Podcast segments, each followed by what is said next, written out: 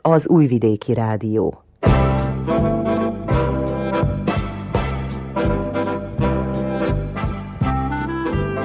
Mozaik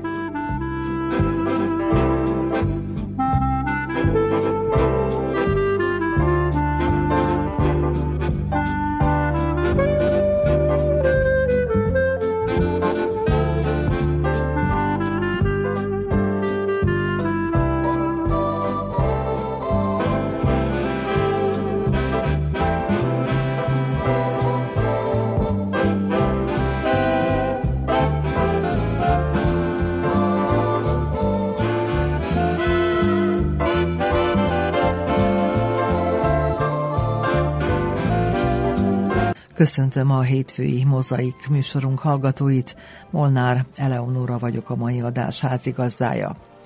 Első óránkban a múzsiai hősnők közül ismerhetnek meg hármat.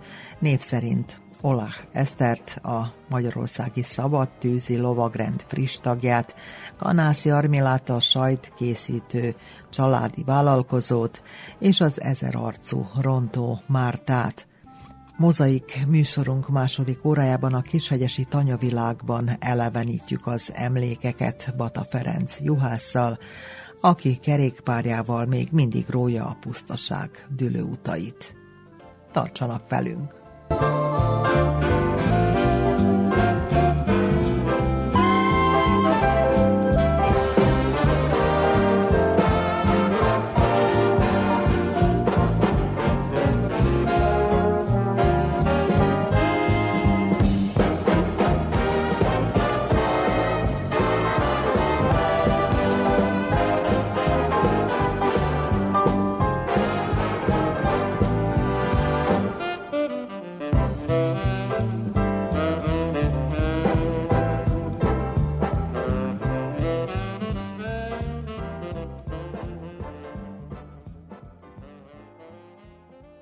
A múzsiai hősnőket bemutató rendezvényen három hölgyet szólaltatott meg Kónya Kovács Otília.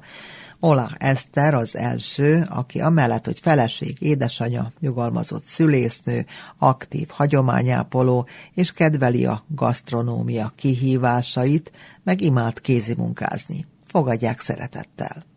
Én úgy gondolom, hogy a mai esti hősnőket nem kell külön bemutatnom, hisz mindannyian falubeliek vagyunk, és mindannyian ismerjük egymást. Tudjuk, hogy ki mivel foglalkozik, de azért talán mégis van olyan kis apró mozzanat, amit esetleg így a közönségből valaki nem tudhat.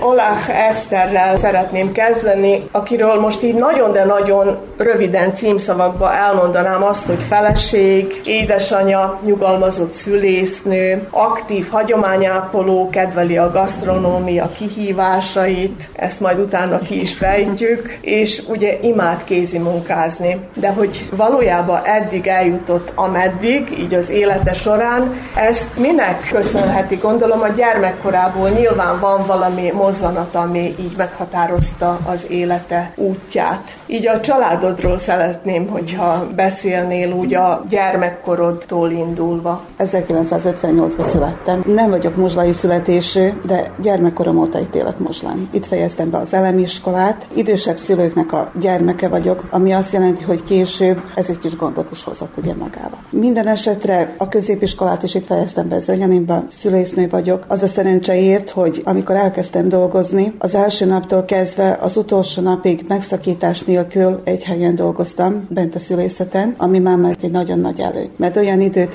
éltünk, olyan világot, amikor ez másnak nem volt éppen úgy megadva. Szerettem a munkámat, szerettek is ott, ahol dolgoztam, ennyit, amit tudnánk az én életrajzon. Akkor ide belekérdezhetek, hogy igen, valójában te tudatosan szülésznő szerettél volna lenni, vagy pedig valahogy így irányult az életutat? Hát, majd úgy mondom, hogy hát a családunk egy kicsikét olyan szűkes körű volt, ami azt jelenti, hogy édesapám is egy munkás, idősebb munkás ember volt, kevés volt a jövedelem a családba, és bizony, amikor befejeztem a nyolcadik osztályt, akkor nagyon kellett arról gondoskodni, hogy most merre, mit is fejezzek be, milyen iskolát, mert az elejétől kezdve tudtam, hogy én nekem olyan nagy lehetőségem nem lesz, hogy a négy osztály után, hogy én utána gondoskodjak valami további kiképzésről. Barátnőim java része, úgy mondom, hogy általában mindenki az ekonomiszkába akart menni. Hát én is úgy sokat gondoskodtam, akarok, nem akarok. Hát akkor aztán úgy gondoltam, hogy csak jó lesz az egészségügyi iskola, mert hát ott ugye egy lehetőség mutatkozott, hogy hát az iskola befejezése után valóban munkát is kapja. Hát úgy sikerült, hogy szépen jól befejeztem, jól eredménnyel ugye a középiskolát, megkedveltek akkor az előadók is, úgy mondjam, ami nekem aztán segítségemre volt arra, hogy hát munkába is állítsanak. Úgyhogy így kerültem én az egészségügybe, de nem bántam meg. Az én szakmám egy nagyon kihívó szakmám, amit nagyon kell szeretni, hogy az ember bírja dolgozni. Mert nagyon felelős munka, csapatmunka. Egy személy nem bír olyasmit csinálni, mindig kell valaki, hogy legyen a csapatban, nem egy embertől függ az a munka. De én az én munkámat nagyon szerettem, nagyon sok kismamának örömet hoztam, nagyon sok gyermeket hoztam a világra, de van nagyon sok nehéz helyzet is, amikor másodpercekről van szó, ami a mama életét, ami a gyermek életét illeti. Úgyhogy a döntések azok pillanatban kell, hogy megszülessenek, talpra esetre kell lenni nagyon. Minden érzést, emóciót ki kell kapcsolni, mert amikor az ember dolgozik ilyen helyen, meg ilyen munkát, nem szabad, hogy legyen együttérzés senkivel se, hanem csak a munkát kell csinálni, és csak a munkára kell koncentrálni. Akkor van jó eredmény, és mikor minden befejeződik, akkor jön egy nagy öröm. Természetesen, hogy az életben vannak nehéz helyzetek is, hogy nem minden az életben úgy sül el, ahogy mink azt elvárjuk, meg nem minden fejeződik jól be, de hát ez az élet része, ezt muszáj így elfogadni egyszerűen. De a legtöbb öröm az tényleg akkor van, amikor minden szépen befejeződik, ami az én munkámat, hogy az én munkámat illette. 35 évet dolgoztam a szülészetem, most már 9 éve nyugdíjba vagyok, kihasználtam azt a lehetőséget, amit abban az időben az ország adott, hogy teli munkaival elmehettem nyugdíjba, azért van ennyi nyugdíj tapasztalatom. Akkor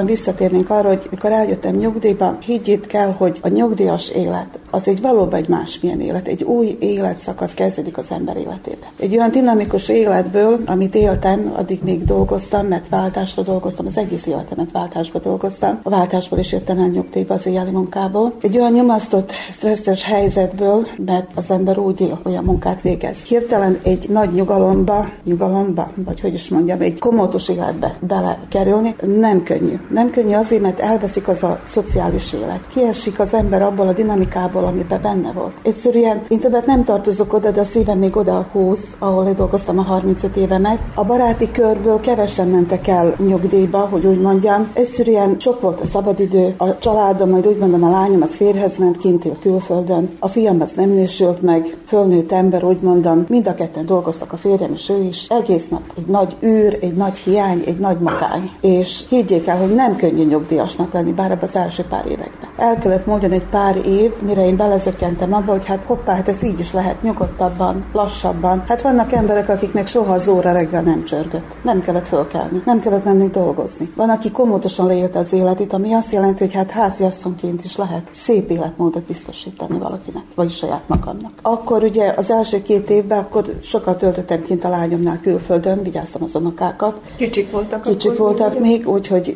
nagyon jól esett az életüknek nagy részébe, akkor, amikor a legfontosabb voltam, ott voltam. De utána, amikor hazajöttem, meg akkor is valamivel ki kellett tölteni az időt. Hát akkor visszatértem azokra a dolgokra, amit ugye fiatal koromban elkezdtem, a kézi munkára. Egész életemben kézi munkáztam, amióta tudok magamról. Gyerekkorom óta kezdve a keresztöltéses hímzéssel, később horgoltam, kötöttem, amit csak tudtam, megtetszett, mindent megpróbáltam. Megtanultam varni is, amit higgyétek el, hogy nem tudtam soha, azt tudtam, hogy kell a tőbecenet behúzni egy varrógépbe. De valahogy ráhajtottam muszáj a kényszer egy időbe arra is. De örömömet leltem benne, úgyhogy máma is azt hobbiként használom, olyan dolgokat készítek, amiben én örömömet lelem, meg olyan dísztárgyakat. Visszatérek megint, hogy abban az időben ugye a kézi munkával kezdtem el foglalkozni, kicsikét hímeztem, akkor a horgolás, ugye, amit már régen eltettem, félretettem, akkor megint elővettem, akkor kicsit horgoltam, akkor utána a barátnőmnek a kérésére, meg a segítségére, a meggyőzésére sikerült a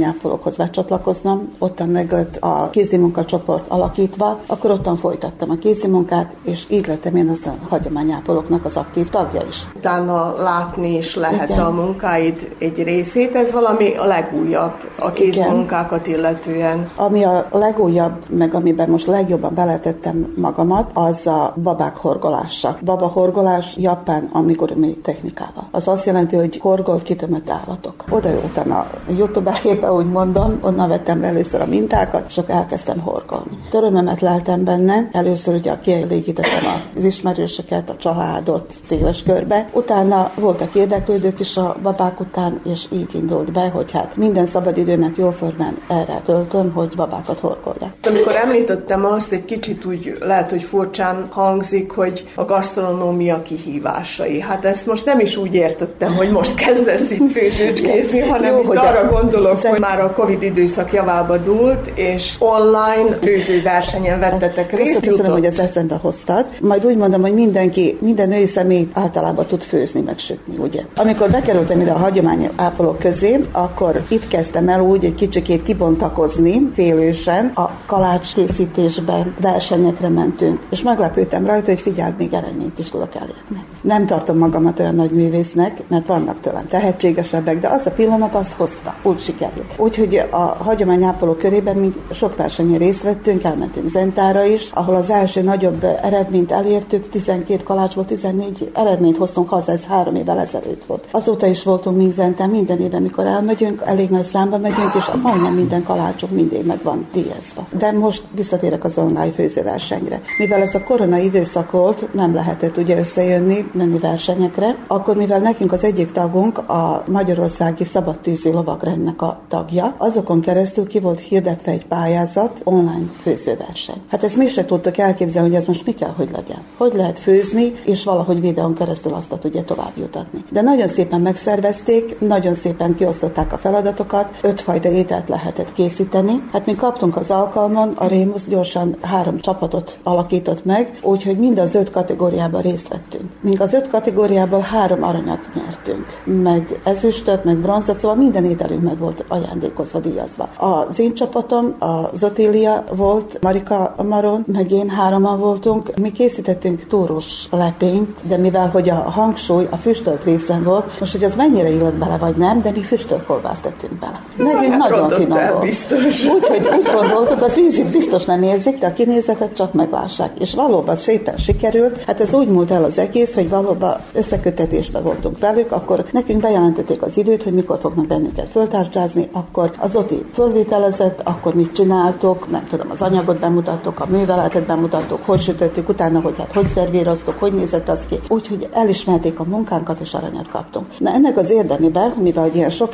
aranyat, ezüstöt, bronzát kaptunk mindannyian, akkor a Magyarországi Szabadtűzi Lovagrend bevett bennünket tagoknak, megtisztelt bennünket. De mivel hogy a tavalyi évben nem volt a felavatás, akkor most kaptuk meg április 9-ére Pest mellett, ott lesz megtartva, és most oda el fogunk menni, hogy nyilvánosan is fel legyünk avatva. Megkaptuk a tagsági könyvecskéket, mindent, úgyhogy el vagyunk is meg. Muzslának, meg a hagyományápolóknak egy nagyon nagy sikere, mert úgy gondolom, hogy mi mindannyian azért csak muzslát képviseljük. És a hagyományápolás az egy nagyon, úgy mondom, tisztelt dolog kell, hogy legyen, mert most már a szokások kezdenek kimúlni. Mi még az a generáció vagyunk, amikor még vissza tudunk emlékezni sok mindenre. A nagyszülőknek a tevékenységére, hogy készült a kalács, a kenyér, hogy múltak el a disznótorok, hogy múltak el a családi ünnepek, hogy lettek megünnepelve a karácsonyok, a húsvétek, a családi ünnepek, a névnapok, minden. Mi még vissza tudunk emlékezni. De hogyha minket nem fogjuk tovább ápolni, nem fogjuk bemutatni, úgy gondolom, hogy lassan kiveszik. Mert már a mi családjaink már nem abban a korba élnek. Mesélhessük, mint nekik. De hogyha nem bírják azt látni, valószínűleg el fogják feledni. Jó volna, hogyha valaki ezt átvenni miutánunk is, és folytatná, mert a hagyományápolás nem csak abból áll, hogy hát a régi módian készítsünk, főzünk, hanem a hagyományt, az emléket meg kell tisztelni. De ma már olyan életet élünk, hogy amikor az elvárások is másmilyenek. De próbáljuk. Ugyanúgy nem lehet, de hasonlóféleképpen meg megadni a jelentőséget annak az esetnek, vagy annak a tevékenységnek, hogy azt bemutassuk úgy. Szeretném, hogy arról is mondanál többet, említetted azt, milyen büszke édesanyja vagy. Ja, Lányodra gondolok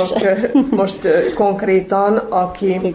említetted, hogy külföldön él, de viszont, hogy tényleg egy város első emberei között van. Ez mind úgy történt, hogy az én lányom szerelmes lett, és elhagyta az egyetemet, és elment férhez ment külföldre. Svédországban, amikor oda kijutott, a svéd állam az olyan fejlett, meg, meg szervezett ország, hogy azok rögtön két héten belül betették az iskolába, mert nem úgy ment el, mint egy bevándorló, vagy szökevény, vagy valami, hanem mint egy élettárs. Két héten belül bekerült az iskolába, kellett neki a nyelvet tanulni, és mivel ő neki tehetsége van a nyelvekre, mindenre. Rövid időn belül letette mind a négy szemesztert egy vizsga alatt, amit Svédország elvárt, levizsgázott svéd nyelvből, és akkor már itten egy nagy előny kapott a többiekre nézve. Na de neki ez nem volt elég, fejlesztette magát tovább, befejezte náluk a gimnáziumot, az angol nyelvet, a svéd nyelvet, most hogy mondják azt magyarul fakultatív nivón. Amikor ezt mindent befejezte, közben dolgozott. Dolgozott egy plastika üzembe, ahol váltásos munkát végezett. Mindegy, a munka az munka, az nem szégyen sosem mindegy, hogy milyen munka.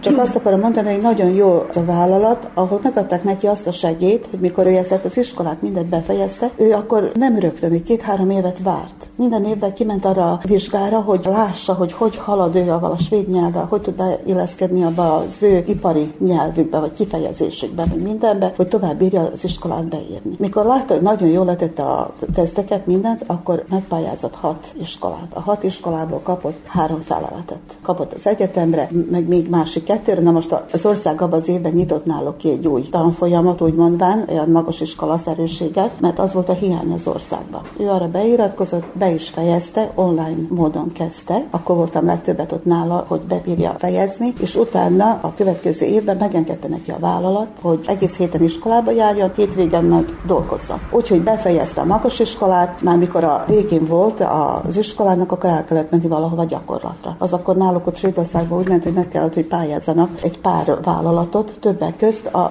városházát is. Hajnalka megpróbáltak, és mikor pozitív választ kapott, hogy felvették, megengedték neki, akkor elment hozzájuk dolgozni, gyakorlatra. Két hét gyakorlat után felkínálták neki az állandó munkát. Mikor befejezte, akkor fölmondott a vállalatba, ahol dolgozott, elment. Hát most már annyira fölépítette magát, hogy valóban, hogy úgy mondom, hogy a városnak a szűk vezetőköreiben van, ami az ekonomiát illeti, pénzügyi dolgokat, a szociális dolgokat. Úgyhogy egy nagy elismerést kapott a várostól, mint egy nem bevándorló, de egy külföldi személy. Ha nagyon büszke vagyok rá. Büszke vagyok rá, mert a két gyerek mellett sikerült neki ezt is elérni. Olach Eszterrel Kónya Kovács Otília beszélgetett. Olyan unalmas, egyedül árván. Azt jobb tudni, hogy mégis valaki vár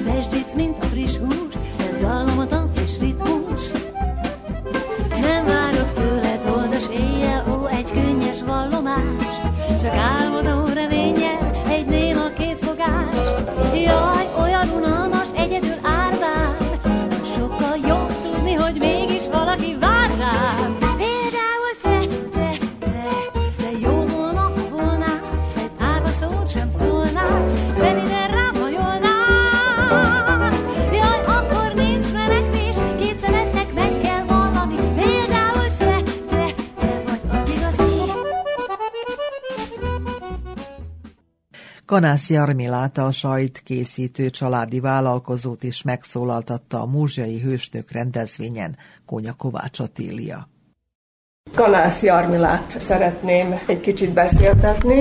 Róla is ugyanaz elmondható, hogy feleség, édesanyja. Mondhatjuk azt, hogy magánvállalkozó, ugye? Vagy családi Család. vállalkozó. Így. És érdekes az, hogy sokan úgy ismernek, hogy jaj, jön a teljes asszony. De én szerintem ebbe, hogy jön a teljes asszony, vagy hogy nálunk volt a teljes asszony, vagy a szomszédban volt, ebbe benne van egy akkora adag tisztelet, hogy én legalábbis ezt így gondolom. Mert miért gondolom úgy, hogyha a legalapvetőbb élelemre gondolunk, akkor szerintem a kenyér után rögtön a tej van. Nem igaz? Na most arról nem beszél, hogy te ilyen tejtermékeket készítsz mester szinten, ugye bár. Hogy jutottál el idáig? Van-e valami kötődés a gyermekkorból, ami meghatározta azt, hogy most te épp ezzel foglalkozol, amivel? Vagy hogy alakult az életed sora? Úgy alakult ez az egész, hogy én már ebbe nyíltam fő. Az én regszüleim is ebbe vergődtek, a regapámnak rengeteg birkája volt, ami az üvé, amit másét vigyázott, és akkor így nem kértek el pénzt, hanem a tejé. Használták a tejet, és akkor reganyám is csinálta túrókat, is hordta a piacra elejébe, aztán a végén már annyira hát nem győzte a piacot, akkor már házhon vitte ő is az árut és én ott ő náluk nyőtem, igaz, hogy én Erzsébet lakon születtem, de kicsi voltam, amikor eljöttünk ide Muzslára lakni, de én ahogy csak bírtam, hogy az iskolát befejeztem, itteni rögtön ültem a biciklére, és mentem Latóra. Úgyhogy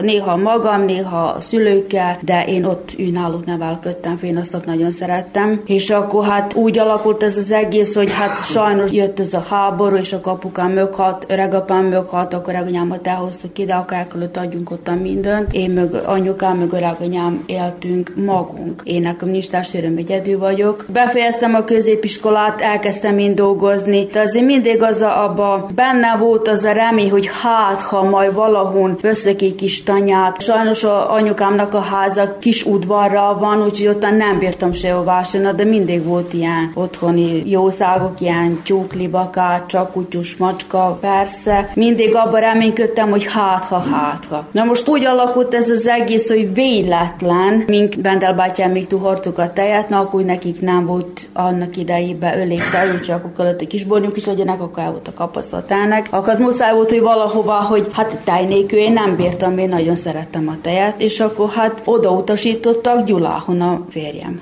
Na akkor hát mink tanálkoztunk, megismerkedtünk, megszerettük egymást, úgyhogy ez ilyen két hét alatt lebolonyolított az egész életünk. Úgyhogy... Csoda dolog ez a szerelem. Igen, csoda.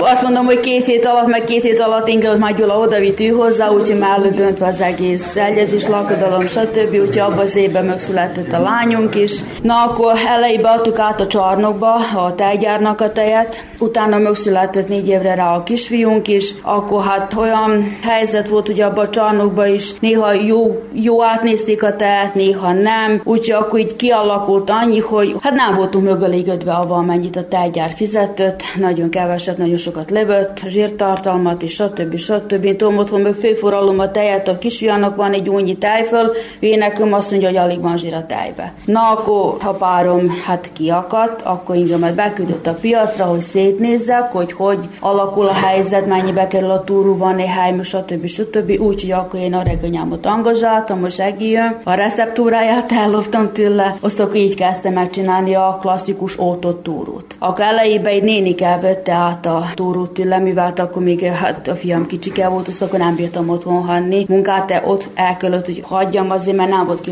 ez a gyereköket, mert Gyula is reggelt, reggelig oda volt, akkor anyósa még ott volt, addig még is segített, de aztán is, amikor elment, magunkra maradtunk. No, úgyhogy akkor aztán kilenc hónapos korában kisfiamat beírattam az óvodába, vagyis a bölcsödébe, bölcsödébe. bölcsödébe. úgyhogy na, akkor elkezdtem én járni a piacra, úgyhogy akkor minden piaci nap ott voltam. Na, úgy, ahogy alakult a helyzet, hogy követelték ezt a túrút, követelték a másfajtok, elkezdtem az apró túrút, akkor az első, a legjobb bövőjeim voltak a restaurant trofej, úgyhogy ők elkezdték követelni én tőlem, most megkérdezték, hogy csinálom-e a sajtokat. Hogy ha lehetne füstő sajtokat? Hát én azt sem tudtam, hogy hogy kell csinálni a sajtokat, akkor ha körül kérdeztem a receptúrát, elkezdtem csinálni, akkor elkezdtük füstölni, úgyhogy rengeteg, nagyon sok sajtokat elhordtak én tőlem. Most is még hordi, de hát most ez a politika közéjük át, úgyhogy akkor most nem nagyon hordik tőlem. Úgyhogy úgy kezdődött az egész ez, a, hogy ennyi fajta túrókat csináltam. Ahogy múltak az évek, aztán elkezdtünk építeni le oda tanyára,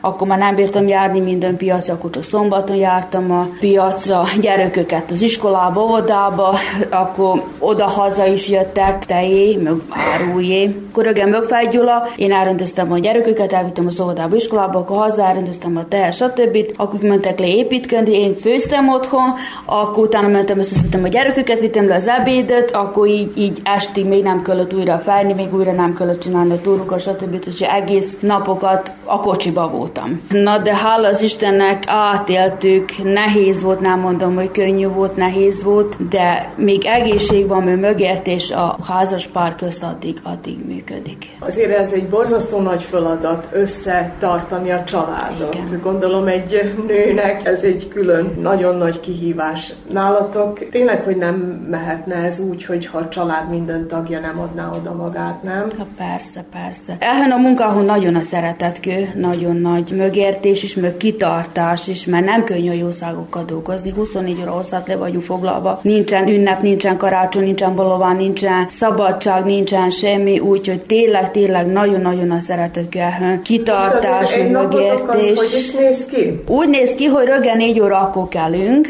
akkor 8 fél 9 fejezzük be a fejéstetést a túrót, aztán én rakom az egész árut a kocsiba, két óra hossza alatt széthordom a zárút a faluba. Ha nem számítom, hogy kül még a városba, és menjek oda és széthordani, akkor kicsit tovább tart. Akkor rohanok haza, hogy megfőzzem az ebédöt, van nagy kertem, azt is csinálom. Nyáron a kertet, télen meg vannak ilyen disznójaink, akkor azt vágjuk, füstöljük, sózzuk. Az is van, úgyhogy azt is én csinálom, most nem azért, hogy most, de úgy elosztottuk Gyulában munkát, az üvé a, az ötetés, gondozás, a jószágon, az enyém a feldolgozás. Úgyhogy állandóan telefon a kezemben van, állandóan csörögnek, hívogatnak, mindig kedvesnek kell lenni, mert a vövők, én ő belülük élő, szóval úgy mondjam, nem én, hanem a családom, szóval kedves kell lenni, én is tévedök, meg nagyon sok mögértés kell a népek közt is, hogy, hogy megoldjuk a problémát, ha van probléma, vagy hogy stb. stb. Na, akkor újra este kezdődik megint 6 óra, akkor 5 óra, akkor 6 óra, akkor attól függ, este 8-ig fél 9-ig, akkor én nekem még aztán a túrót, mire megcsinálom, úgyhogy van, hogy néha éjfélkor fekszek le. És négy órakor kell. És négy óra akkor kell, és igen. Jó van, én egy kicsit bírom azért meghosszabbítani, fél órával, vagy 45 percet, de, de jó, szombaton, amikor még a piacra, akkor kell én is négy óra, akkor hogy elkészítsek mindent, mire, hogy legalább fél nyolc nyolcra, hogy odaérjek a piacra. Érdekes, amit mondsz, ugye, hogy te mindig is arra vágytál, hogy valahol tanya, amit Igen. mondtál, és mégis azért milyen az élet így a tanyavilágban? Na most itt annyival könnyebb ugye a helyzet, hogy aszfalt úton mentek Igen, le. igen. Most, hogyha még az se lenne, akkor az még kalandosabb lenne, de így mégis, így is nyugalom van ott lent vagy. Nyugalom, nyugalom. Mondjuk rá most nem bírna bennünket zavarni senki fél faluba, az biztos. Megszoktunk ott, elejében nehéz volt. Nyáron nem annyira, télen egy kicsit nehéz volt, amikor nagy havak voltak, azt akkor befújt bennünket a hó, akkor nem bírtunk kimenni. Akkor mire itt a faluba szétdurták a havat, mire kigyűjtek oda mi hozzánk, addig rámult két-három nap. Úgyhogy most mi ottan összeálltunk, akik lent vagyunk a tanyán, akik vannak ott még, akiknek farmjuk van, tehén farmjuk. Összeadtuk a pénzt, akkor vettünk egy ilyen hódúró traktor után, úgyhogy akkor minden évben mög van, hogy melyik kébe ki, mikor soros takarítani. Na most hát sajnos már egy három-négy éven nincs mit takarítsunk, mert nincsenek havak. Úgyhogy na hát mög nem vagyunk ottan magunk, vannak ottan szomszédok mellettünk, nem úgy van, hogy mi mög a sakállak. Jó, én nem bírok panaszkodni, úgyhogy én na- nagyon szeretek ottan. Amikor be voltunk zárkódni, amikor volt az a policiszki csász, akkor végig sehol senki. Most én kinéztem az utcára, ki bírok menni, vagy nem bírok kimenni. Elém én rándőr, vagy nem én rándőr. Elmentük a fiam a sétálni a kutyusok, egyszer, hogy jön egy kocsi, gyors a kanálisba bújlani, hogy meglássanak bennünket. De gondolom, jó, nem, nem cserélném. Két családod van, mondjuk a Tordán találkoztunk vele, ő Tordán él, Igen, ugye? A igen. fiatok viszont itthon van, ő is kiveszi a igen, munkából Nagyon, a nagyon, nagyon sokat segít a férjemnek. Meg nekem is, hogy csak ő szakásnak fejezte be, 18-at betöltötte. Az apjának segít már kicsikora óta, még kis elászott a traktorba, hogy már ment csinálta a munkákat. Mert most nagyon sok mindent már ő maga csinál. A lányunk az férhön ment, elment Tordára, ott a Prosperitatívba kaptak házat, ott élnek. Na most ott egy kicsit rossz azért, mert hát tényleg, hogy Tordára se egy autóbusz nem jár ottan, tényleg kocsihon vannak nagyon kötve, mert Tordán nincsen munka, utazni kell, hogy valamely faluban, mellékfaluba, hogy dolgozzanak. Úgyhogy azért kicsit rossz, haragudtam rájuk, hogy egész oda mentek messzire, tehát az ő életük, én nekem anyám nem bírt parancsolni. Most említetted azt, hogy nagyon sokféle fajta túrót, meg sajtot készítettél, meg egyebeket. Most egy világ omlott össze bennem, mert én azt hittem, hogy öreg apát csinálta azokat a finom birka túrókat. Életemben nem ettem olyan finomat. Ő is, vagy nagymama volt az, aki nagymama, nagymama. nagymama. Jó, ő volt csak a juhász. Igen, igen, igen. igen. Jó, és hány fajta Micsoda túród, sajtod van így, amit... Ja, nagyon sok. Csinálom a, a nem füstöltet és füstöltet. Na most lehet ilyen szeszámmagos, erős paprikával, bazsalékom, tökmag, az, az így kapos mindig. Ez a négy fajta, de van itt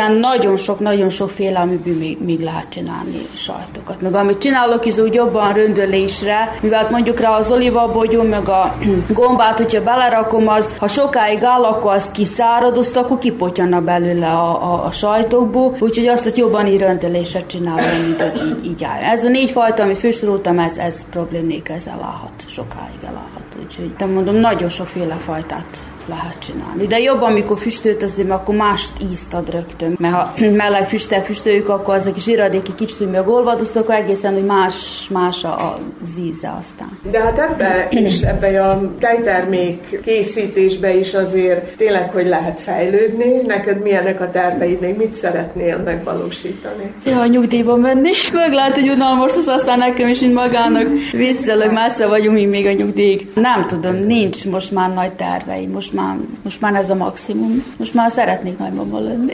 Kicsit foglalkozzak az unokák. A gyerekükkel sajnos nem bírtam foglalkozni, mert öröki úton voltunk, öröki kocsiba, az előtt mondtam. Ők este elaludtak, mire én befejeztem, rögel az iskola, óvoda, készminába jártak, úgyhogy nagyon-nagyon kevés időt voltam velük. Nagyon De azért eléggé komoly szervező munka volt, ugye ezt az egészet végig szervezni, hát, hogy most ide, igen. most oda, most város, most visszafele, gyerek persze, iskola. Persze, persze. Egyik délelőtt, másik délután. Igen, igen, igen. Meg az egyik, az egyik iskolába járt, a másik a kint iskolába járt, úgyhogy tényleg, hogy, hogy én az egész életemet csak a kocsiba leéltem, hála az Istennek levizsgáztam időbe. Kérdeztem a múltkorában a férjemet, hogy mit csináltál volna, hogy nekem nem volna vizsga. Azt mondja, akkor nem vergődtünk volna ebbe. Mondjuk így még bővíteni ezt az egészet lehet? Nem, nem. Sajnos ilyen helyzet ebben az országban nem lehet. Most már, most már ez a maximum, ami... De valami amit... pályázatokat kihasználtatok? Sikerült? Hát a prosperitátit mindent kihasználtuk. Na most a, a, a szerbiai pályázatokat ott nem, mert mindig kilőttünk doba, mindig valami papír hiányzott, úgyhogy itt nem sikerül semmi. De a prosperitátinak hála, hálát adunk neki, nagyon sokat segített rajtunk. Most a gépezetüket is fölülítettük. Na most az ilyen, én most utoljára gondoskodtam, hogy bele, de nem tudom, hogy mögé nyílik most, ha sikerül, akkor hogy pályázni hívnák, hogy bővítsem a, és nem, hogy bővítsem, hanem hogy a főszereléseket a túrúhon, a sajtón, hogy azokat, hogy vegyek másikat, vagy hogy könnyebben bírja megcsinálni, vagy többet egyszerre bírja főforrani, mert itt is sok azért, mert egy is fél rossz, aki, hogy 30 liter táj főforjon. Azt akkor aztán még melegön azt ott meg csinálni, úgyhogy ha bírnák többet, több olyan edényöm lenne, akkor bírnák többet egyszerre megcsinálni, akkor nem kéne olyan sok időt elveszítsek a túró csinálásba. Azt a szeretném, de az a baj, hogy ott amíg nem bírjuk bírjuk legalizálni a, a helységet, bírjuk legalizálni a házat, legalizáltuk, de a helységet, mint a helységet nem bírom az én. Kő građevinska dozvola, hogy legyen én nekem meg ott a poljoprivredna zemljište nem lett građevinska dozvola. Osztok ez a problémám, hogy akkor nem bírom abba bővíteni, a, segíteni a munkámat, hogy valami akkor módon nem tudom, most sikerül vagy nem sikerül, na, hogyha lesz egyáltalán. Tehát akkor egy kicsit úgy vagy vele, hogy a munkádat egy kicsit, hogyha valamivel hozzá lehet Igen, járulni segítséggel, segít. hogy ez is lehet egy ilyen valami terv. Jó. Kanász Jarmilával Kónya Kovács Otília beszélgetett.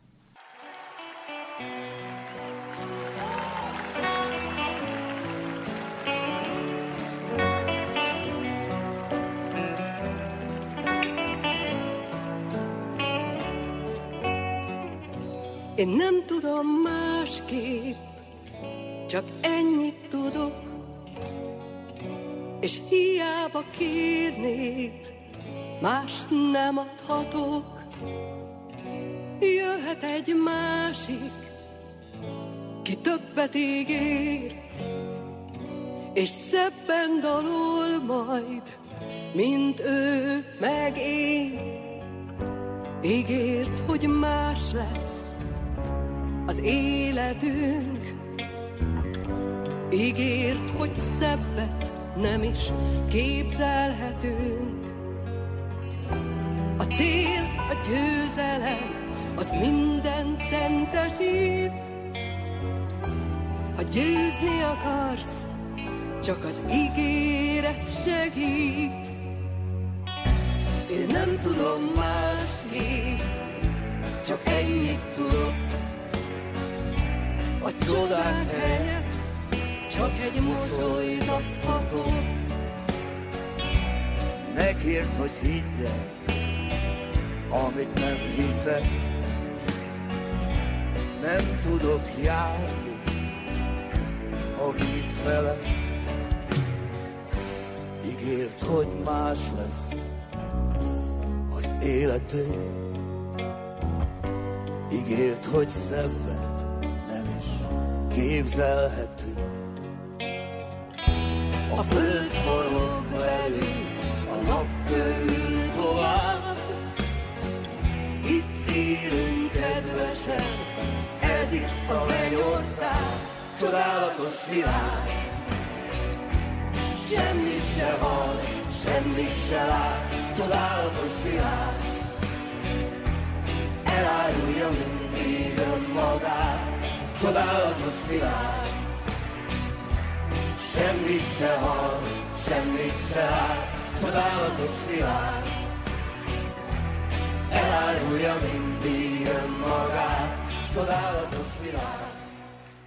Rontó Márta volt a múzsiai hősnők harmadik alanya, ezerarcú mondhatnánk, hiszen nem csak zeneiskolai tanár, de kántor is, több dalkör énekcsoport tagja, vezetője, amatőr, színész, mesemondó, mesefa. Kónya Kovács Otília beszélgetett vele.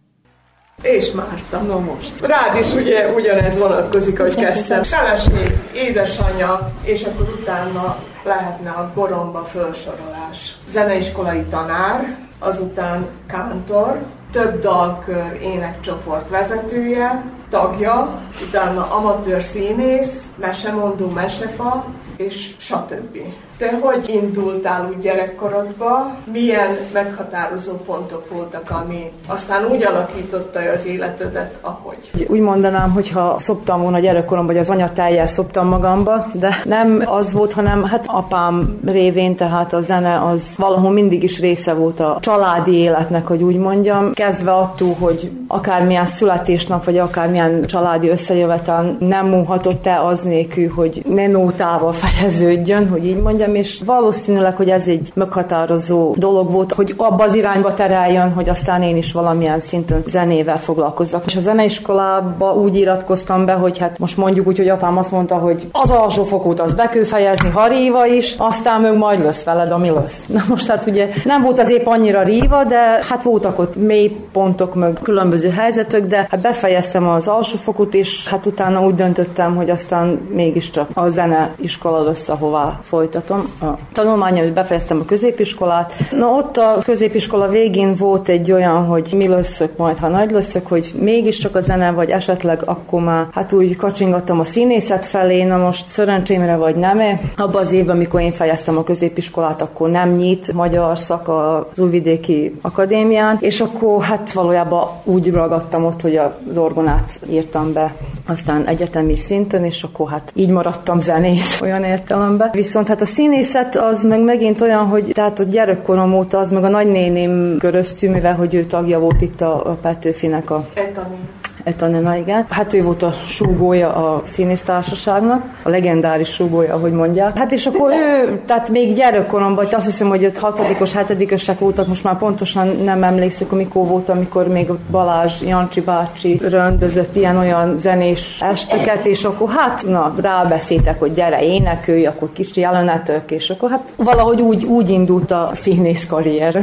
és hát mögtetszett az a, az a világ is. Hát aztán egy kimaradt, ugye, mikor a középiskola, meg egyetem, aztán már nem igazán volt időm olyasmivel foglalkozni. Később, mikor már mindent, ugye az iskoláimat befejeztem, akkor tértem vissza mondjuk arra a pályára. Ami a zenét, most, hogy visszatérjek, az pedig, tehát 96-ban még egyetemen voltam, a rádióban volt egy ilyen főhívás, hogy Ivánovics Tünde szeretett volna alakítani egy ilyen énekcsoportot. És akkor hát többek között oda is bejelentkeztem, többiekkel együtt, és akkor hát ott a, megalakult a Guzsolyas énekcsoport. Egy idő időben, tehát a néptáncot is körülbelül abban az időben tértem vissza. Most azért mondom, hogy tértem vissza, mert óvodás koromban néptáncoltunk itt szintén a Petőfibe. És akkor az, mikor bent a Bácskeleki Petőfibe volt egy olyan tánccsoport, ahová Hilda is, meg a körülbelül ilyen korosztályban még egy páron csatlakoztunk, és akkor tehát az a népzenei része a dolognak ott valahol kezdődött, tehát a 90-es évek végén, a guzsolyassal, és akkor hát ott ugye úgy beindult akkor az egész, ott rengeteg föllépés, meg koncertok, meg ilyen táncházak, meg minden, ami ebben jár. Úgy mondjam, ez a, ez a világ is úgy. Tehát ez, ez is zene, de egy kicsit másfajta zene, mint amit én mondjuk úgy szakmailag csinálok, ugye munkámból kifolyólag. De viszont ez is egy világ magának, hogy úgy mondja, ami magával ragadott, és hát azóta is aztán 2000-ben hívtak ide a Petőfibe, hogy vegyem át a Citera zenekar és a kórus vezetését, és akkor ott a lejtőn elindultam felé, azóta nincs megállás, ahogy mondaná. Tehát a kórussal kezdtem, szóval hát úgy én is magamat, meg őket is magam mellé csiszolgattuk egymást, és akkor hát utána jöttek a sikerök, ilyen-olyan elismerések, és hát mondjuk rá úgy, hogy így a vajdasági, mondjuk népzenei élvonalba gyűrtük fő egy időben magunkat. Na most hát sajnos azóta ugye kiöregödött az idő, az telik, és hát megfogyatkozott a létszám a kórusba, de, de azért én igyekszek mindig te tartani valamilyen szinten ezt a szintet, amit, amit elértünk. Akkor aztán most a tavaly legnagyobb örömömre megalakult a Cicka Falk énekcsoport is. Hát most ez valahogy én nálam olyan szinten öröm, hogy kicsit hiánypótló is volt a dolog, mert hogy a guzsolyas az még mindig létezik, de szanaszét szóródtunk, vajdaság szerte élünk mindenfelé, és hát ritkán van föllépésünk is, persze próba alkalmak is. Hadd mondom én nem. Én nekem egy olyan jó helyzetben voltam a jó korában, nem is tudom, Szabadkáról utaztunk hazafele, és hát egy aktív része voltam egy próbának. Guzsolyos próbának, ami online történt. Ugye, igen, online készültünk valami föllépésre, és nem tudtunk persze összeszerveződni, és akkor az történik, hogy hála a modern ugye, eszközöknek, az internetnek, meg hasonló jóknak, ilyen dolgokra jó ki lehet használni őket. Úgyhogy tehát az autóba próbáltunk, és akkor ott sikerült végighallgatni.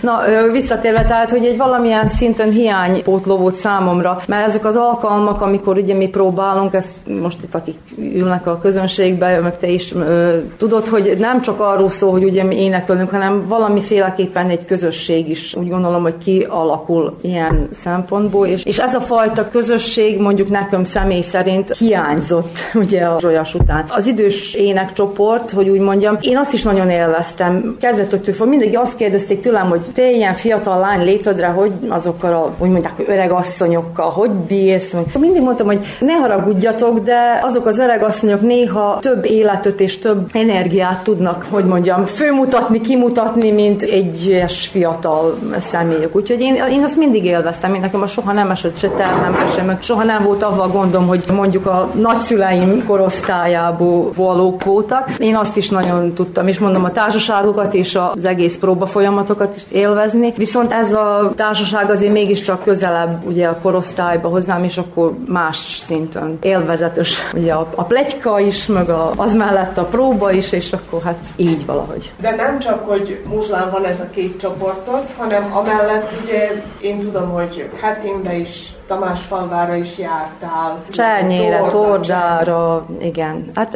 ez ott kezdődött valahol, hogy nem tudom pontosan megmondani az évet, de még megboldogult Szőlősi Vágó Laci bácsi, hát beajánlotta Durindónak a zsűribe, vagyis a művészeti szakbizottságába, úgy, úgy mondják. Történt egy ilyen, hogy hát ugye meg akarták fiatalítani, mert hát ott is az történt, hogy azok a szakemberek, akik évekig követték a, a Durindót, meg ezeket a csoportokat, hát ugye a kiöregedés az ott ott is fölütötte a fejét, és akkor hát eszükbe jutott, hogy az időben még, még ott vannak az öregök is, viszont hogy a fiatalokat oda kapcsolni, és akkor hát ilyen úgymond inaskodni. Kezdtünk el járni a fesztiválra, és akkor évekig tehát mentünk tanulni a szakmát, úgy nevezve, tehát hallgatni azokat, hogy végig hallgatni a csoportokat elsősorban, és utána azokat a véleményezéseket, amiket az idősebbek. És akkor lassan így bele, bele tanultunk ebbe a szakmába, időzőjelbe, és akkor hát a, a Durindónak a szakbizottságába is is belekerültem. Aztán a, létezett egy ilyen, hogy mentorprogram, segíteni azokat a csoportokat, akiknek valamilyen szakmai segítségre van szükségük. És akkor így vagyunk még egy páran ilyen fiatalabbak, akik ezt csinálják. Próbáltuk úgy beosztani mondjuk vajdaság szerte a, a falvakat, meg a településeket úgy, hogy mindenkinek a, hogy mondjam, a közelebbi vonzás körébe tartozó részeket fogadjuk el, és hogyha segítségre szorulnak, vagy hogyha igénylik ezt a fajta szakmai hozzájárulást, akkor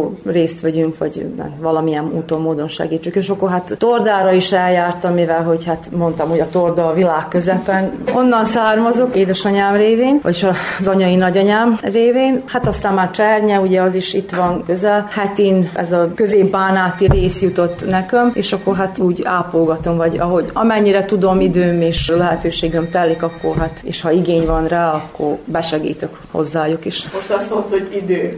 Húha.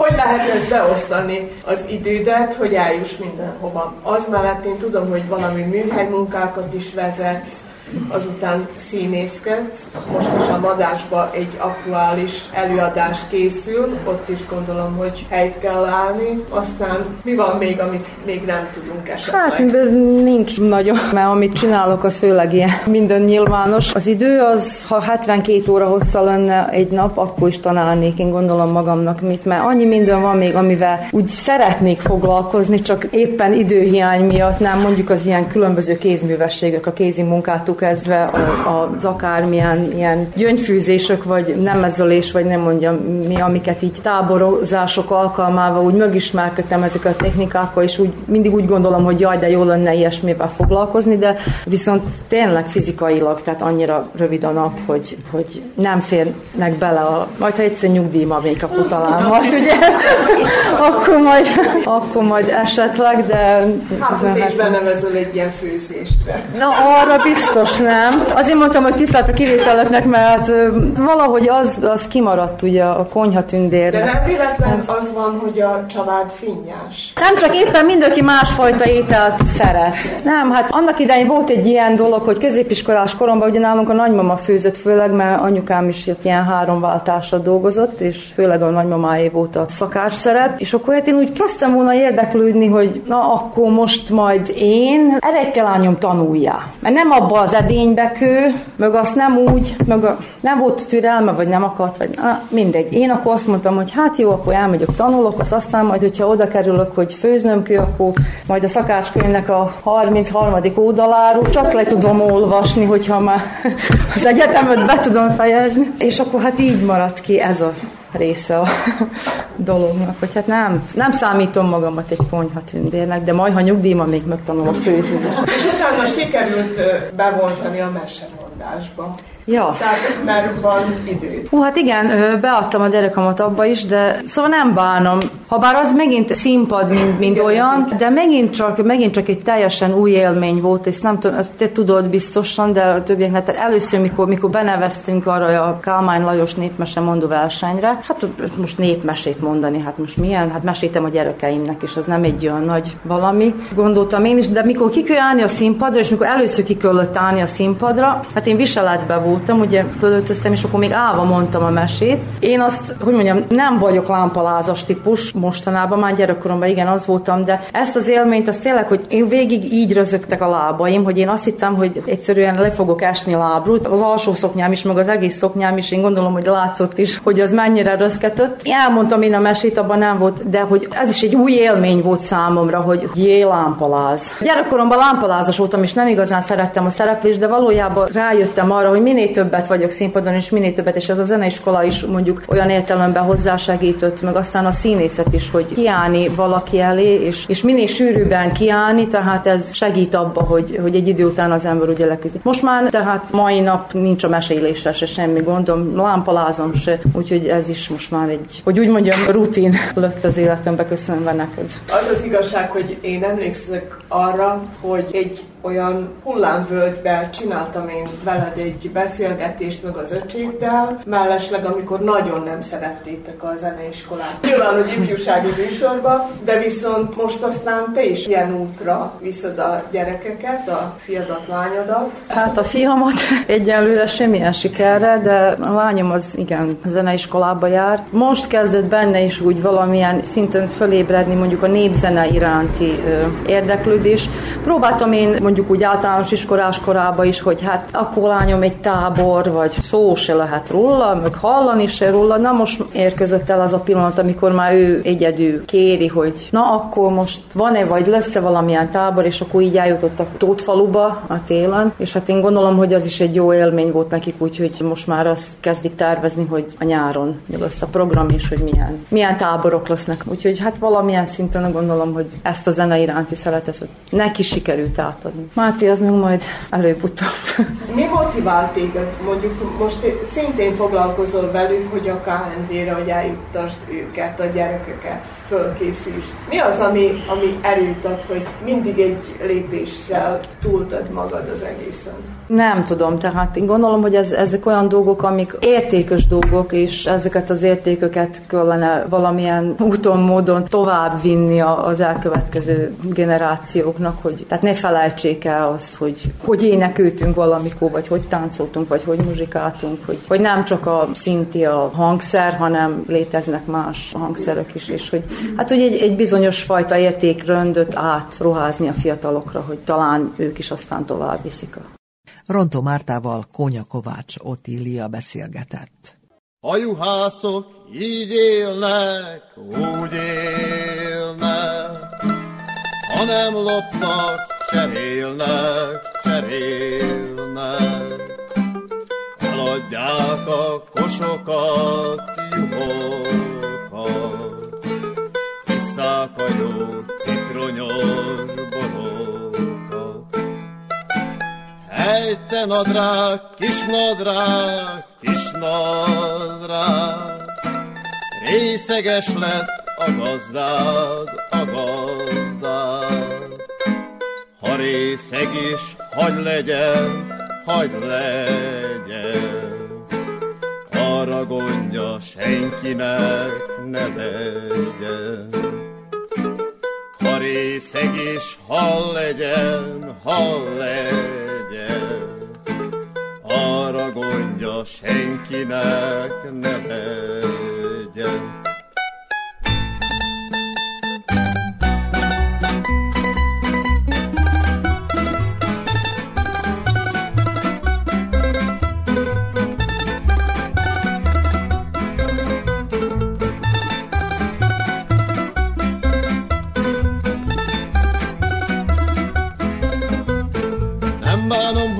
Juhásznak születtem, nem bánom, hogy számadó lehettem, hét bojtárnak vagyok fejedelme, úgy tisztelnek számadó figyelme. Hét bojtárnak vagyok fejedelme, úgy tisztelnek számadó figyelme. Megfőzöm a bográcsos ebédet, elé hívom tizenkét cselédet,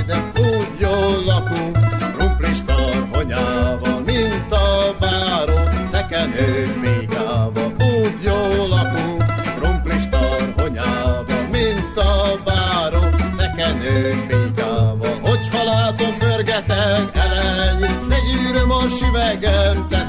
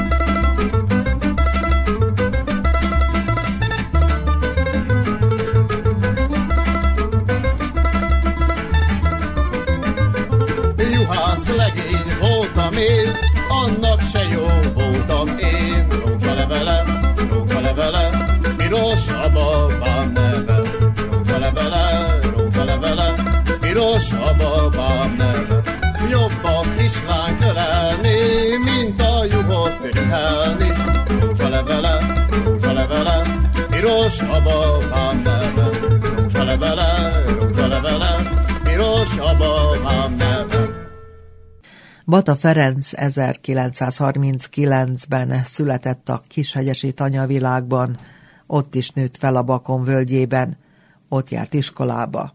Juhász lett és maradt is, így ha teheti, ma is minden nap kikerékpározik a pusztába, ott vannak a birkái, velük nyugodt lehet és kint töltheti az időt a természetben. Brezovski Andrea beszélgetett vele. vagyok, 39-ben születtem, a szüleim is kint azon a tanyán, ahol vagyunk, a Bajsai út. Bajsai úton ott laktunk, iskolás koromban is ott jártunk, be a német Lacival, hát abban 46-os évben jöttünk a pusztából be gyalogosan, hát mikor nagy tél volt, akkor szánkóval, mert a nagyszülők itthon voltak, akkor szombaton jöttek értünk, akkor mentünk ki a pusztában. A pusztai élet nagyon szép volt abban az időben. Mondjuk azért, hogy azok az emberek, akik kint voltam, ha soroljam ott a szomszédokat, mondjuk ott a Velkertanya, az Micsurin volt abban az időben. Micsurin, az, ami most Velker. Gondolom régi, az ugye német tanya, most állami, de Micsurin volt. Az 40-40 ötbe a lovcsenáciak jöttek ott oda-vissza, aztán az állami birtok lett. Mikor annak a tőt szomszédjában voltunk, az én szüleim, nagyon szép volt ott a puszta lent, megkezdődtek a tanyák le a Bakon völgyében. Mondjam úgy sorjában, hogy hogy voltak a tanyák. Hát legelőször volt lent a kaszálóban a Tóth, Tóth Pista bács. Utána jött a Hugyik János bács. Azok szinte ott voltak, mint egy kis falucska. Jött utána a Sülpali bácsi. Úgy hívták, Sülpali bácsi. Utána jött a Róka Mátyás, utána jött a Kormos Feri bácsi. És aztán jött egyik gazdagabb, az a Sípos Riki az már meghalt, az is ugye, hogy hívják, ezek mind kihaltak, mind kihaltak már. De nem tartott senki ott a tanyán, 50-es évek után mindenki beköltözött azokonnan. De téli idő nagyon szép volt ott, meg összetartó volt a, azok a pusztaiak. Ha ellett a ló, mondjuk rá, segítőkész volt a Ugyik Jani bácsi, jött a szüleimhöz, János, apám János, Bata, ugye megállett itt a Berci, segítőkészek voltak. A, azok a régi, amit én mondok, ab, azok az évekről. Annyit mondjon el, hogy kishegyesen, ha tudja, akkor megközelítőleg hány tanya volt abban az időben? Tehát hány tanya? Abban az időben? Hát ott, mikor nekünk 152-es, könnyű az, 152-es volt a szám, akkor úgy veszett. Mondjuk 10 év alatt, akkor 125-ös lett az a szám. Na most én is azért vesztettünk, ugye, hogy mikor a gyerek iskolába kezdett járni, mikor mink is bejöttünk, én nekem birkáim lettek, és a szüleim is abban az időkben ugye az öregeket istápolták, nem adták be a, oda, ahova. És az volt a, hogy hívják, hogy az, ők is hazajöttek, nekem meg nagy csapat birkám volt, és az a tanya is tönkrement. De én azért folytatom ezt, tehát tovább, mikor Mán Újvidékre lejártam 8 évig a birkákkal, mert 200 birka volt abban az időben. Mondjuk ez a 70-es évek. Arra megy vissza ez. És aztán 85-ig mentem Újvidéken, utoljára voltam a Dunatiszán a birkákkal.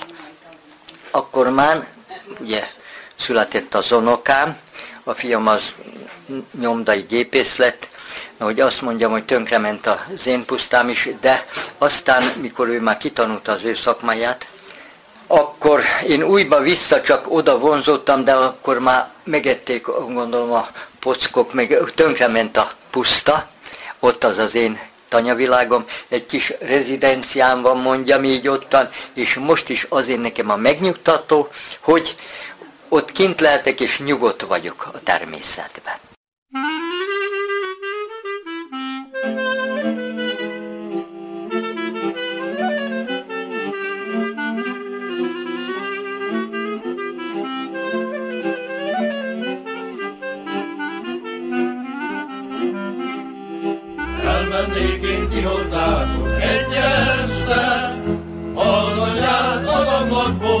Leste, de az anyád vén boszorkány, az ablakból kikukucskál, az apám, az anyád csillagját.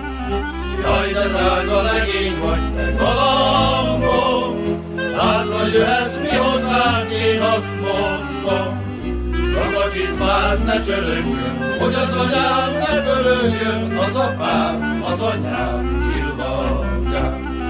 Elmennék én ki hozzátok egy este, ha a kutyád a kapuban nem lesne. Taníts kutyád emberségnek, ne ugasson a legénynek, az apám, az csillagán. Hogyan érinti önt ez, hogy még szüntek a, ezek a tanyák végül is? Ez, ez nagyon, hogy hívják, szívreható, hogy hívják, hogy az, ezek a tanyák most vonzák már visszafele, de most már az ifjúság nézzen csak ide, azért, mert nincs villany, nem szokták azt még, azt a régi dolgot, amit én mondjam el, így, hogy engemet még szinte úgy csúfolnak, hogy beciklim mész Bata Ferenc. Hát igen, beciklim megyek, a másik megmondom, a szoba biciklit, bocsánatot kérek, a szoba biciklit hajtsa bent. Ez, ezért mondom, hogy mondjuk az én szüleim hosszú életet éltek, a pusztában nagyon szép élet volt, amit elmondottam. Mondjuk ott egy téli kártyaparti, az bizony Úristen. Hát az olyan volt, mint most, nem is olyan volt, mint most a gombnyomás itten nézni, ahogy hívják, ott az egy élmény volt. Éjfélig kártyázás, én még akkor iskolás voltam, mink nem perblisztünk, de ott gépicceltünk. Hét-nyolc szomszéd összejött, amit elmondottam ottan, és ez volt a szórakozás abban az időben. Kérem szépen, ez, ez így ment. Ez valójában egy életforma, mint mondotta, ugye, és még ma is, valamilyen szinten ma is kitart ez az életforma mellett, mert ha banditól tudom, hogy azért kijár, kijár, ugye, és tartanak ott jószágot, még ott... Ez a gondom, er- erre mondom, hogy az nyugtat, azért tartom, csak az van benne, hogy ma már olyan a helyzet, hogy a rablások vannak és az idegesség, de különben engem az nyugtat.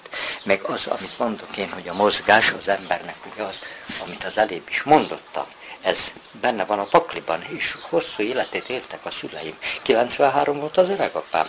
Az édesapám az kicsikét, hogy hívják, ott tintázott, az csak, az csak 87 volt.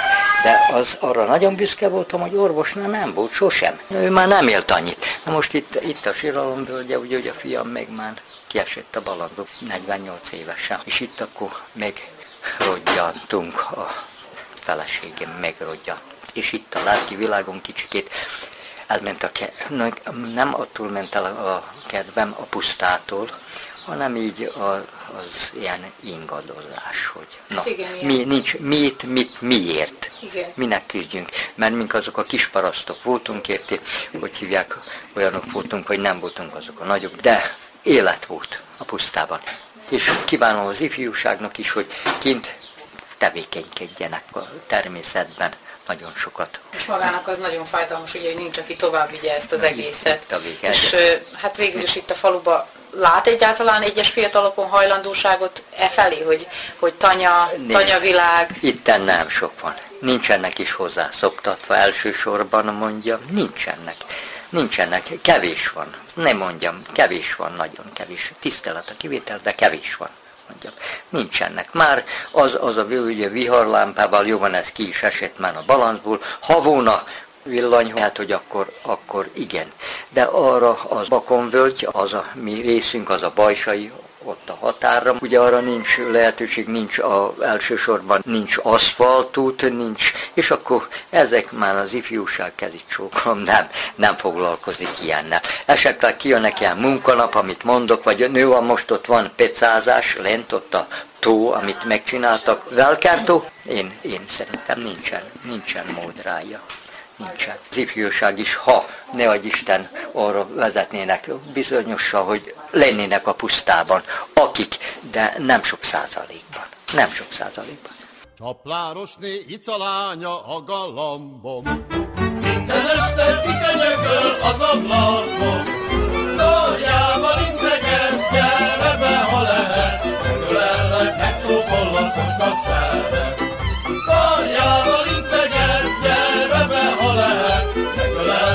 Megölellek, megcsókollak, hogyha szeret. Becsapott a csaplárosné icalánya. Jóbor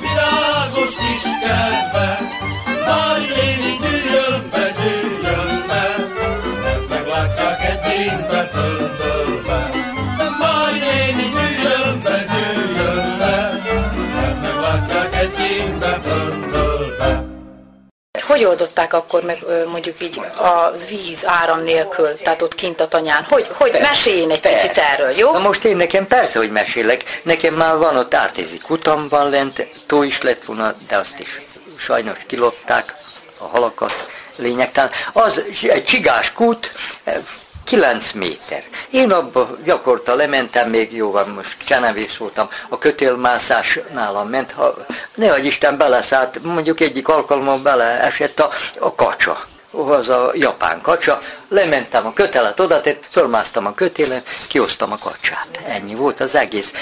Kö, húztuk csigás, mink azt úgy mondjuk, csigás kút, csigás. Csigával húztuk a vödörrel a vizet. A tának le voltak, kint ott van rét, nekünk ott kint van legelő mondjuk rét, nagyon szép volt. Na most az nem jött be nekem, hogy ugye akartam én ott keríteni, ha nem járunk ki, akkor lett volna egy olyan elkerített legelőm, mondjuk az 50-60 birkának, az nagyon ideális lett volna mondjuk, de hát akkor kiestem már a balanszból, ugye, és akkor csak így döcögve, de csinálom, ameddig szolgál az egészségem.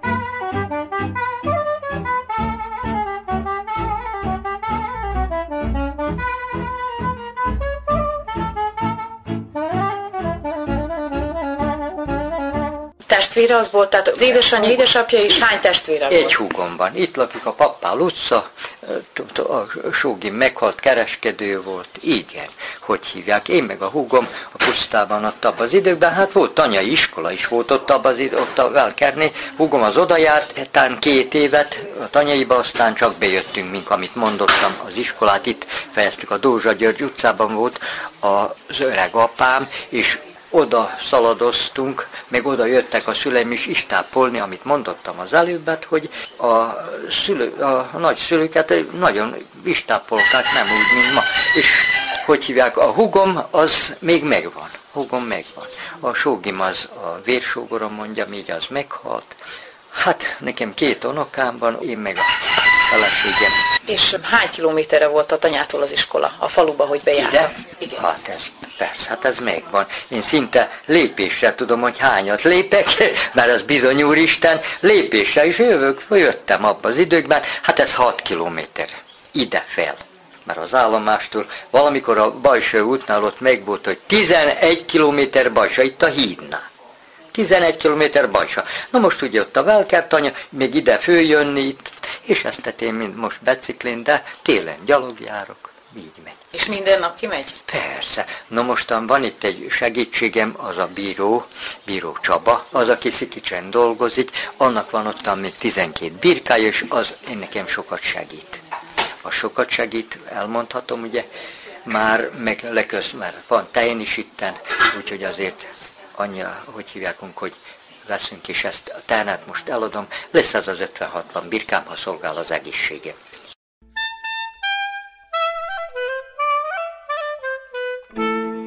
Szívesen emlékszik vissza erre a tanyavilágra? Gyerekkorára? Nagyon, nagyon.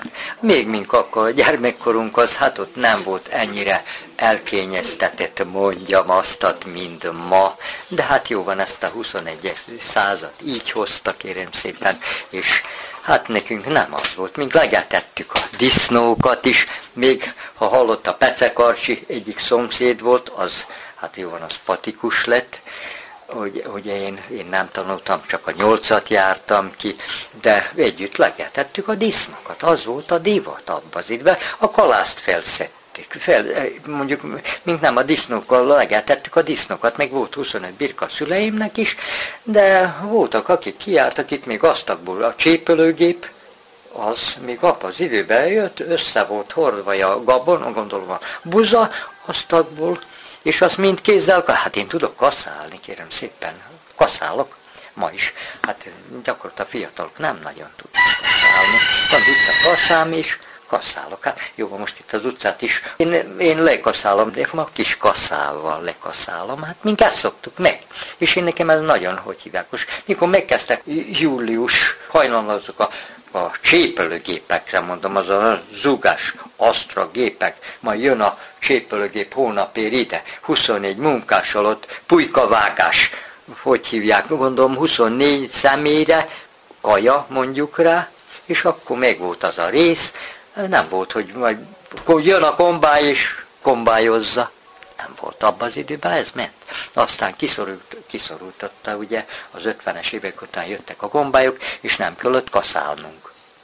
Igen, megszűnt a munkaerőre meg, meg, szükséglet, persze. meg megszűnt valójában, én, én azt gondolom, hogy Igen. azoknak a azoknak az arató munkáknak is, és minden ilyen közös Persze. munkáknak egy közösség összetartó Persze. ereje volt, Igen. és most ez való, valójában ez, ez megszűnt. Ez megszűnt. De én nekem siralmas, mert szinte még jobban el vannak keveredve, vagy hogy mondjam meg. Akkor nem volt ilyen elkeveredés, és elmentünk akármilyen ünnepi napra, mert az édesanyám Szent Tamás, és felültünk a húsvéti ünnepre, édesanyám Szent Tamás, és elmentünk ünnepelni. Reggel a lovakat megpucolt, és elmentünk, este értünk vissza. Hát most, ha itt egy tehén nálam meg akar elleni szaladolok, egy kis szőke Feri, nincs az utcában egy olyan segítőkész, kérem szépen, mondhatom, mert én tudom. Nem, nincs, nincsen, nincsen, aki, aki ebben a munkában segítőkész lenne. Nincs, és kész. Kimúlt. Mindenki a, az internet előtt, ez, ez a leghogy hívják ott. Hát, hogy ez mi váltja meg, ezt nem mondhatom előre, de hát vagy nem tudom így megmondani, hogy ez a 21. század mit fog még továbbá hozni. Ezt nem tudom. De én kívánnám az ifjúságnak azt, hogy lenne ott, a, amit mondok, utak is, a pusztát vonzaná őket is, akkor lehet a villanyáram, meg az utakjuk, akkor lehet, hogy többen lennének a pusztában, gondolom kint.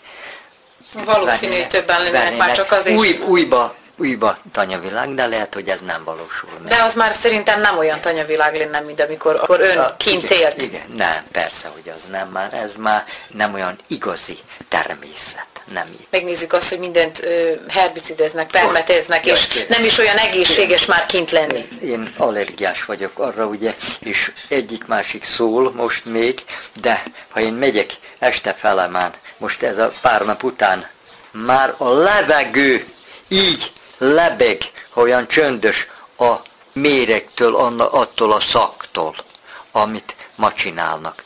A méhek elvesznek, nincs, nincsenek méhek, nincsenek, nem bírja, nem bírja természet. És az a kapálás, hát jó van, nehéz munka volt, vagyis hát meg kellett csinálni, de az, az volt az igazi, a természetnek, a, hogy hívják, a nem a mérgezés, ami ma van. Ezt is hozzá tehetjük, hogy ez ma mérgez minden bennünket.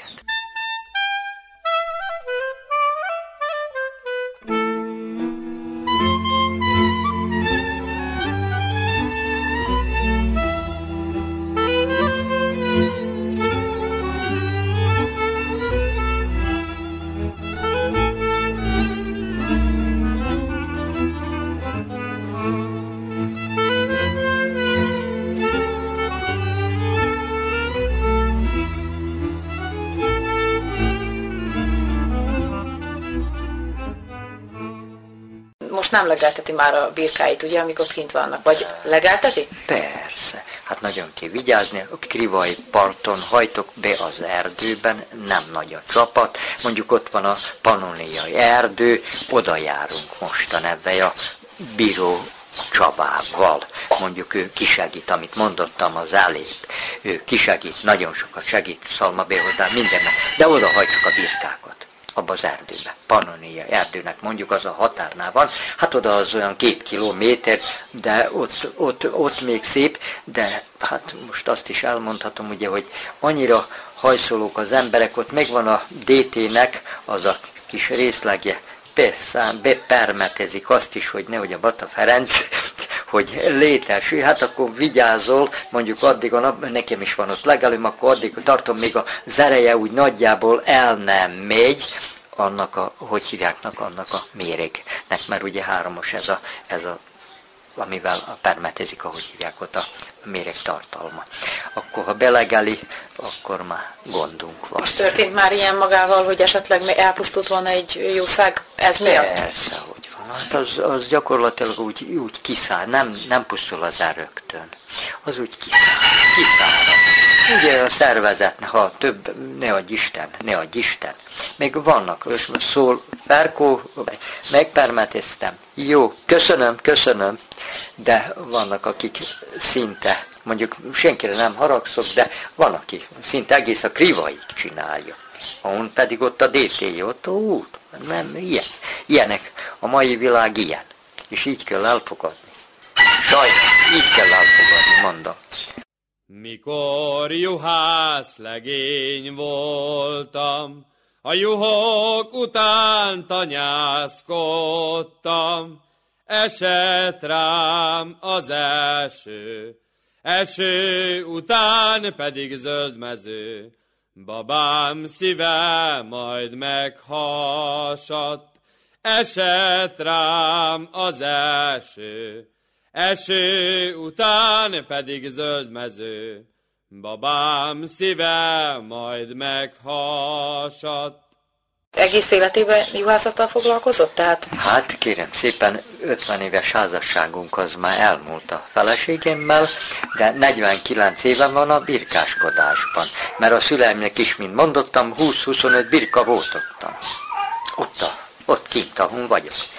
És aztán ugye, mikor megnősültem, akkor egy két évig ilyen 14 holt főd volt, csak azt is elmondhatom így.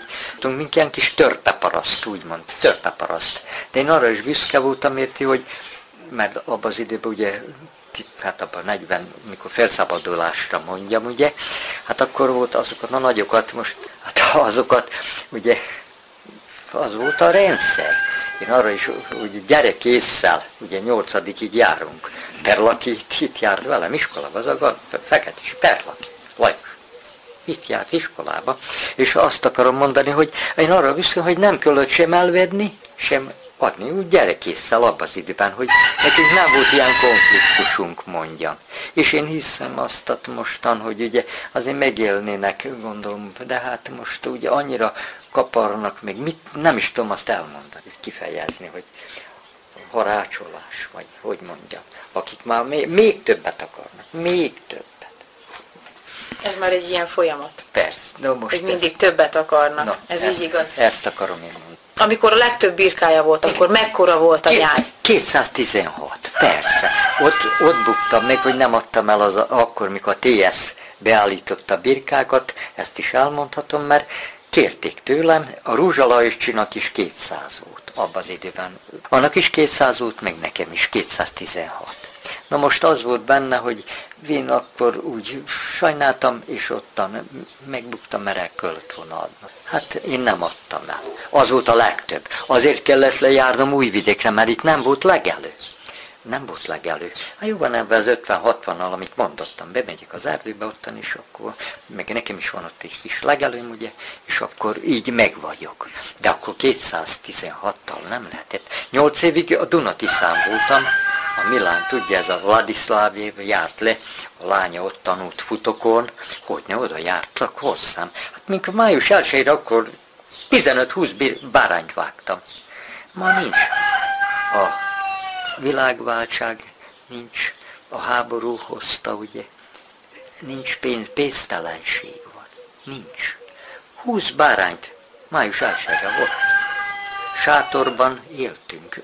Három hónapig volt ez, április 10-én, mondjuk ez majdnem úgy jön ki, hogy Szent György, de mink előbb mentünk, április 7-én indultunk, ballaktunk le Újvidékre birkákkal, nem Újvidékre, Rumenkára. Rumenkán a Dunatiszá. Az volt a miénk, a legelő. És meddig tartózkodtak ott? Ott, mikor megjött az aratás, július 7-én már, mint a fecske, mikor akkor jön ide, mink jöttünk hazafele a tallókra. Akkor még a TS a Zatruka dolgozott, vagyis az volt ugye abban az időben, nem privatizálva volt, és akkor nagy legelők meg voltak, ekkora tisztes fű, és az volt az igazi, és fejtük a birkákat. Száz fejős birkám volt, bizony úristen, 90 liter tej, az Zerzsi vette egy tehát a tejet, a, ez a szukola Ersi, az vett át a tejet, még a papírjaim is még voltak. Hát abban az időben az ment, az, az nagyon jó menő volt. Úgyhogy száz fejős birka, az egy maxi, a föld abban az időn a kis maxi 17 hold föld volt. Tito idejéről beszélek most. És az annyi jövedelmet adott akkor. Én az én házam az Engels utcában, amit építettem, mind a, abból, abból a jövedelemből jött. Nem lopá, úgy értve, hogy nem kölött senkit. Hát ma agyon verik az ember. Mint a pusztában, annyira fél az ember, lopások. Halat kilopták nálam, a bárányokat lopták, egyébként na most hála Istennek nem loptak. Tehát ez, ez mondom, mind hozta így, ez a 21. szám, amit az előbbet elmondottam. Ez, ez ilyen. Bata Ferenc kisvegyesi juhásszal Brezovski Andrea beszélgetett.